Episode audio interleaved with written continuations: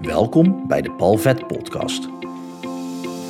In deze podcast help ik jou met verhalen en inzichten om de blemmeringen in je leven de baas te kunnen zijn, zodat jij je talenten en jouw grootheid kunt omarmen op weg naar een fijn en vrij leven. Heel veel plezier met deze aflevering. Ik stap naar buiten en het begint een beetje onstuimig te worden. Ze voorspellen dit weekend ook wel echt stormbuien, regen, onweer en zo. Maar goed, nu loop ik nog lekker in t-shirt buiten en is de temperatuur aangenaam. En vind ik het persoonlijk niet super erg dat de zon niet heel erg hard schijnt nu. Maar goed, dat is een persoonlijke voorkeur. En ik stap nu in mijn auto onderweg richting een volgende sessie. Een hele vette sessie. Tenminste, daar ga ik vanuit. Ik ga een Deep Trance Identification uitvoeren. En als je niet weet hoe dit helemaal gaat, dan zou je de podcastaflevering kunnen beluisteren. Uh, die gaat over wat als liefde niet goed is. Daarin omschrijf ik hoe ik zelf uh, in de Deep Trance Identification zat. En uh, ik werd toen Jezus. Want dat kan dus met Deep Trance Identification. Je downloadt de informatie vanuit het collectieve onbewuste en stapt in de persoon, zodat je en skills en kennis downloadt. Die kennis is niet het belangrijkste. De skills zijn vaak belangrijker en het gevoel wat die vragen die ik dan ga stellen aan die persoon, um, dat gevoel wat het oplevert, dat doet ook enorm veel met je. Dat is niet alles. Ik zal niet alles verklappen, want dan is een beetje de magie weg. Uh, maar het is in ieder geval heel vet om te doen, om te mogen begeleiden. En ik heb daar echt enorm veel zin in, dus daar kijk ik naar uit. Maar daar wilde ik het niet met je over hebben. Ik heb voor UWV gewerkt, voor de afdeling ziektewet. En ik begeleide daar mensen richting hun herstel. Ik mocht ze binnen hele strikte kaders, mocht ik ze coachen. En ook alleen maar als dat mocht van de arts met wie ik werkte. Ik werkte dan samen met de verzekeringsarts en die besloot dan ja dat mag of ja dat mag niet. En je kunt je voorstellen als iemand zich dus ziek meldt en bij het UWV aanmeldt voor een ziektewetuitkering en iemand heeft een been gebroken. Ja, dan kan ik na twee weken wel bellen en zeggen: hey, zou je eens niet gewoon uh, aan het werk gaan? Maar als die geen kantoorbaan heeft, dan heeft dat weinig nut. Dus zo waren er heel veel. Um, ik liep, ik liep niet tegen personen aan, maar ik kreeg te maken met verschillende soorten personen, maar ze waren best wel makkelijk onder te verdelen. Nou, één is dus de persoon die daadwerkelijk iets mankeert, fysiek gezien, en die kan gewoon niet naar het werk toe. Naar het werk toe is dan geen reden volgens de wet, maar je werk niet kunnen uitvoeren wel. Dus op het moment dat jij je benen nodig hebt, als jij het nodig hebt om te lopen, je werkt bijvoorbeeld in een sportschool of zo, en dan niet achter de balie, um, dan, ja, dan is het logisch dat je niet kunt werken. Dus dat is één groep. Mensen die echt fysieke klachten hebben, die ook in het ziekenhuis lopen, die met dat soort dingen bezig zijn, die kunnen gewoon niet werken. Dan heb je daarnaast twee typen mensen. En die ene persoon, of dat ene type mens, die staat soort van haaks ten opzichte van de ander. Wat heel interessant is, want ik geloof dat iedereen die nu aan het luisteren is, dus jij ook, dat jij jezelf zal scharen onder het ene type. En dat je denkt, ja, dat andere type, dat is ook logisch, dat ben ik niet. En toch vraag ik me dat gedeeltelijk af of dat dat zo is. Ik wacht even netjes op mensen die oversteken in een rolstoel.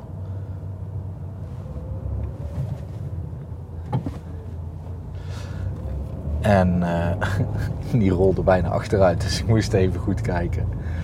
Maar ik, ik, ik geloof dus echt dat jij denkt dat je de ene bent, maar dat je stiekem soms wel eens iets van de ander ook hebt. En het gaat over eigenaarschap, super makkelijk concept, belangrijk concept en een concept wat dus vaak herhaald mag worden. zo sprak ik dan wel eens een klant. En nou, die was dan ziek en dan was er wel iets aan de hand. En ehm, ik kan me nog goed herinneren dat ik een keer een gesprek had met een vrouw. En zij was bevallen. En ze had ook nog echt wel wat bekkenklachten. Dus uh, klachten, last van de bekken. En dusdanig dat je, en ze werkt volgens mij bij een kinderopvang. Ja, dan heb je er dusdanig last van dat werken echt wel heel lastig is. Bovendien zijn de, is de wetgeving daar vrij rigide in.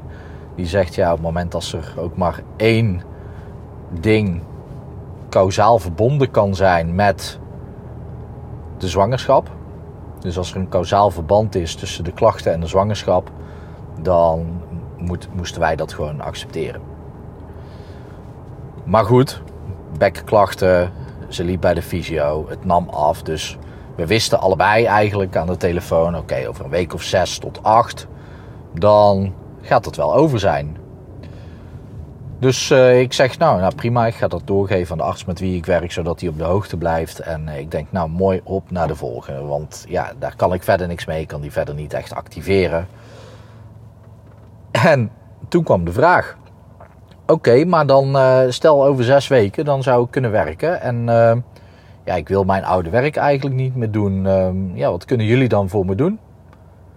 En ja, dan val ik van mijn stoel. Want dan denk ik, wat zouden wij moeten doen? Jij wil ander werk, zoek ander werk. ja, logisch zou je denken. Jij denkt dit ook meteen. Jij denkt, ja, hoezo? Moet je gewoon zelf regelen. En ja, dat klopt natuurlijk. Dat moet ze ook zelf regelen. Dus dat zei ik ook. Uh, ja, vanuit ons is er vrij weinig ondersteuning. Want ja, je had een baan. En blijkbaar vind je die niet meer leuk. Of vind je het spannend om, omdat ja, je hebt nu wat fysieke klachten en je weet niet of dat je ze dan weer uit kunt voeren. Ja, dan kunnen wij bepalen. Uiteindelijk de verzekeringsarts kan dan zeggen, ja dat klopt, je kan die werkzaamheden niet meer uitvoeren. Ja, dan krijg je van UWV andere functies die je wel uit kunt voeren. En dan krijg je misschien een klein beetje geld erbij. Maar je zal nog steeds zelf een andere baan moeten zoeken. Even helemaal kort door de bocht, hè, dit. Anders wordt al die haken en ogen in die wetgeving Um, daar wil je niet mee werken, want dat is echt een gedoe.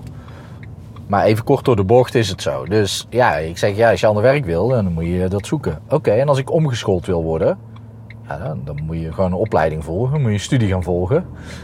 En zo mocht ik dan natuurlijk niet zeggen, want dan heb je allerlei klachten aan je broek als uh, ambtenaar die je dan bent. En uh, het verkeer staat vast hier, dat is mooi.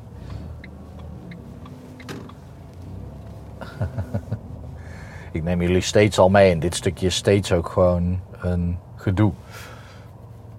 Dus ja, ik hoop dat ik op tijd ga zijn. Dat merken we vanzelf wel. Maar dat, ik ben dan ook echt flabbergasted. Dat ik denk... Hè? Maar als je ander werk wil, dan regel je toch ander werk? Maar goed, niet iedereen is zo. En het andere type mensen is wel zo, hè? Dus die zegt dan oh ja, ehm, ik ben nu ziek en uh, over uh, zes weken verwacht ik dat ik wel weer kan lopen. En uh, ja, ik denk erover om een andere richting op te gaan. En die vraagt dan aan mij, heb je tips? Heb je tips waar ik kan kijken? Um, wat ik eventueel kan doen?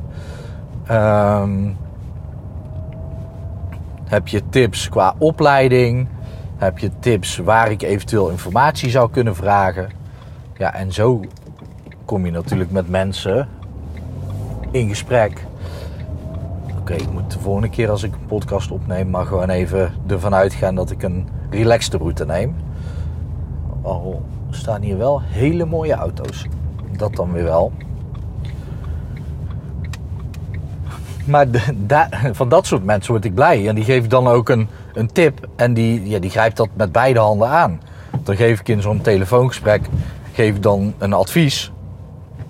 En ja, dan, dan belde ik drie weken later of zes weken later. was maar net wat voor termijn iemand in zat en wat de arts had gezegd. Maar dan, ja, diegene had er dan echt super veel mee gedaan. Ja, dat, dat is leuk. Mensen activeren. die mensen die hoefden je vaak ook maar één keer te spreken. Hè, want dan melden ze zich alweer hersteld omdat ze dan alweer uh, en hun oude werk konden doen. Uh, maar ook alweer een nieuwe baan hadden gevonden.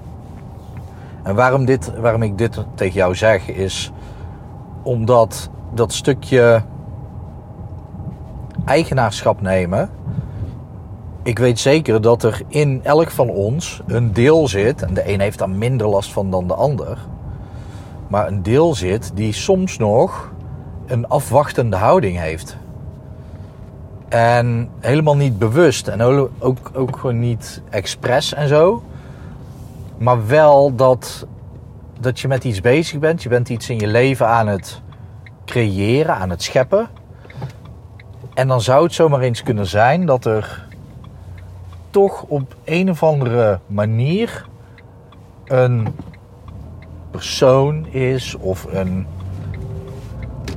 ja, resource, een middel waar je op aan het wachten bent. Wat, wat jij dus niet zelf hebt kunnen creëren nog. En waarvan je afhankelijk bent. Dat je afhankelijk bent van een ander. En dan zit je misschien wel in de lanterfant-modus. Misschien heb je wel, misschien ben je ondernemer hè. En uh, heb je een mail uitgedaan naar, uh, naar je mailinglist. 500 mensen of 1000 mensen of 2000, ik weet niet hoeveel je erop hebt. En dan denk je, oké, ja, maar alles staat, het hele systeem staat. Ik heb een uh, Instagram post voor vandaag gedaan, de mail is eruit.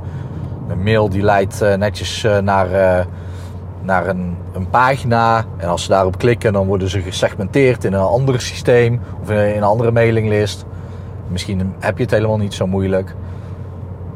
En dan, dan ga je gewoon op bed liggen wachten. Want dan ben je opeens afhankelijk van wat die mail gaat doen. En dat is bijvoorbeeld zo'n voorbeeld dat je toch in een afwachtende houding komt te zitten. En wat er dan gebeurt, uh, dat is helemaal logisch natuurlijk, want je kan op dat moment voor die mensen naar wie je die mail hebt gestuurd vrij weinig doen. Je kan nog wel met het universum samenwerken om dan het universum even de input en de energie uh, mee te geven die nodig is. Of die helpend is, laat ik het zo zeggen. Maar je, die afwachtende houding die zorgt ervoor dat, dat je verslaafd raakt aan die afwachtende houding. En voor je het weet vind je jezelf terug op bed of op de bank of doelloos een rondje lopen. Of je gaat nog maar een keertje shoppen online. Of je gaat naar de winkel. Of je denkt, oh nee, ik ga wel even naar de bagels en beans. En ik word daar niet door gesponsord. En dan lekker even een, een, koffie en een bagel halen. En dan ga ik daar wel zitten om te kijken of dat er iets van ehm, inspiratie tot me komt. Dat soort dingen. Maar dat zorgt alleen maar ervoor dat jij heel goed wordt in een, het hebben van een afwachtende houding. En als je daar heel goed in wordt, dan zal het universum eigenlijk alleen maar meer dingen jouw kant op sturen. Want jij focust je daar dan uiteindelijk op onbewust niveau op. Die, die jou alleen maar activeren in dat stukje afwachtende houding. En dat is natuurlijk niet wat je nodig hebt. Want dan word jij dus die persoon die uiteindelijk een keer uh, zo iemand bij de UWV aan de telefoon krijgt en dan zegt: hey, als mijn baas nou uh, minder uren inplant, uh, kan ik dan geld van jullie krijgen? En het is niet om te oordelen, dat is om uit te leggen dat dat iedereen dus kan overkomen op het moment als er dus op die manier wordt omgegaan met de stofjes in jouw systeem. En als jij dus jezelf verslaafd aan het maken bent aan iets wat niet helpend is. En dat is echt wel een punt om goed op te letten. Want let je daar niet, niet op, dan, ja, voor je het weet, zit je in die verslaving. En ja, dat wil je gewoon niet. Want jij wil vooruit, jij, jij bent iemand die eigenaarschap neemt. Jij bent iemand die het heft in eigen handen neemt. En stiekem zijn er, als het goed is, anders was je echt al lang stop met luisteren, toch wel stukjes ingeslopen in je leven, momentjes, dingen zijn geen dingen natuurlijk, maar gewoontes die een afwachtende houding triggeren en die jou daaraan gewend laten zijn. Denk er maar eens over na. Ik ben op locatie. Ik ga lekker even voorbereiden, even meditatie in en dan meteen de DTI doen. We gaan het met twee mensen doen, dus dat vind ik heel tof. Ik kijk er naar uit. Ik hoop dat het goed met je gaat. Ik hoop dat het goed gaat met dierbaren van je. En ik wens je natuurlijk een hele mooie dag toe.